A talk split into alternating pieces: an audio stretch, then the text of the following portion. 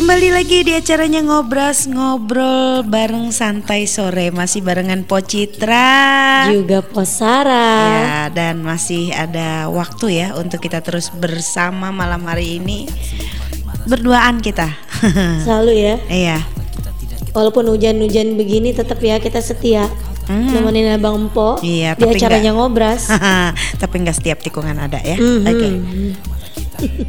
Oke Po, malam ini saya akan membacakan artikel yang ditulis oleh Raffi Ramadan yang berjudul Alih Status Pegawai Tidak Melemahkan KPK. Perubahan status pegawai KPK menjadi ASN adalah amanat undang-undang. Ketika mereka jadi pegawai negeri, maka bukan berarti akan melempem kinerjanya.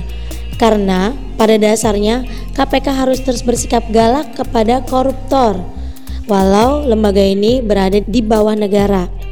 Saat semua pegawai KPK akan diubah status jadi aparatur sipil negara, maka muncul desas-desus bahwa negara akan menggombosi lembaga ini secara perlahan. Karena jika semua pekerja di KPK jadi pegawai negeri, akan susah untuk memberantas korupsi, kolusi, dan nepotisme di lembaga negara atau kementerian. Akan tetapi, ini semua langsung dibantah oleh KPK. Indrianto Seno Aji, salah satu anggota Dewan Pengawas KPK, menyatakan bahwa pengalihan tugas pegawai KPK jadi ASN tidak terkait dengan pelemahan kelembagaan. Penyebabnya karena Undang-Undang KPK sudah menegaskan posisi independensi kelembagaannya dalam menjalankan tupoksi penegakan hukum yang berlaku. Dalam Undang-Undang KPK pasal 3 disebutkan bahwa KPK adalah lembaga negara dalam rumpun kekuasaan eksekutif yang dalam melaksanakan tugas dan wewenangnya bersifat independen dan bebas dari pengaruh kekuasaan mana pun. Dalam artian, pemerintah sudah mengatur bahwa KPK tidak akan berpengaruh oleh pejabat negara. Ketika ia melakukan korupsi, tetap akan dilibas. Jika melihat pasal ini, maka sudah jelas bahwa posisi KPK masih dihormati sebagai lembaga yang memberantas korupsi, kolusi, dan nepotisme sampai akar-akarnya. Ketika semua pegawai KPK jadi ASN, bukan berarti kinerja mereka jadi melempem, bagaikan kerupuk yang tersiram oleh air. KPK tetap diperbolehkan untuk bekerja dan tegas dan galak dalam memberantas korupsi di Indonesia. Selain itu, undang-undang ini juga menjelaskan bahwa tidak ada upaya untuk menjegal KPK sebagai lembaga anti rasuah. Siapa pun presidennya akan tetap menghormati KPK sebagai pengawas dan penyelidik tiap kasus korupsi karena Indonesia adalah negara hukum dan tiap orang wajib untuk menaati hukum dan dilarang melanggar hukum. Misalnya dengan KKN walaupun dia adalah pejabat tinggi negara. Selain itu, Undang-Undang KPK juga disebutkan bahwa lembaga tersebut masih boleh melakukan operasi tangkap tangan atau OTT pada setiap pejabat negara. Hal ini menepis isu bahwa perubahan status pegawai KPK akan membuat para pegawainya merasa sungkan jika akan bekerja dengan galak seperti dulu.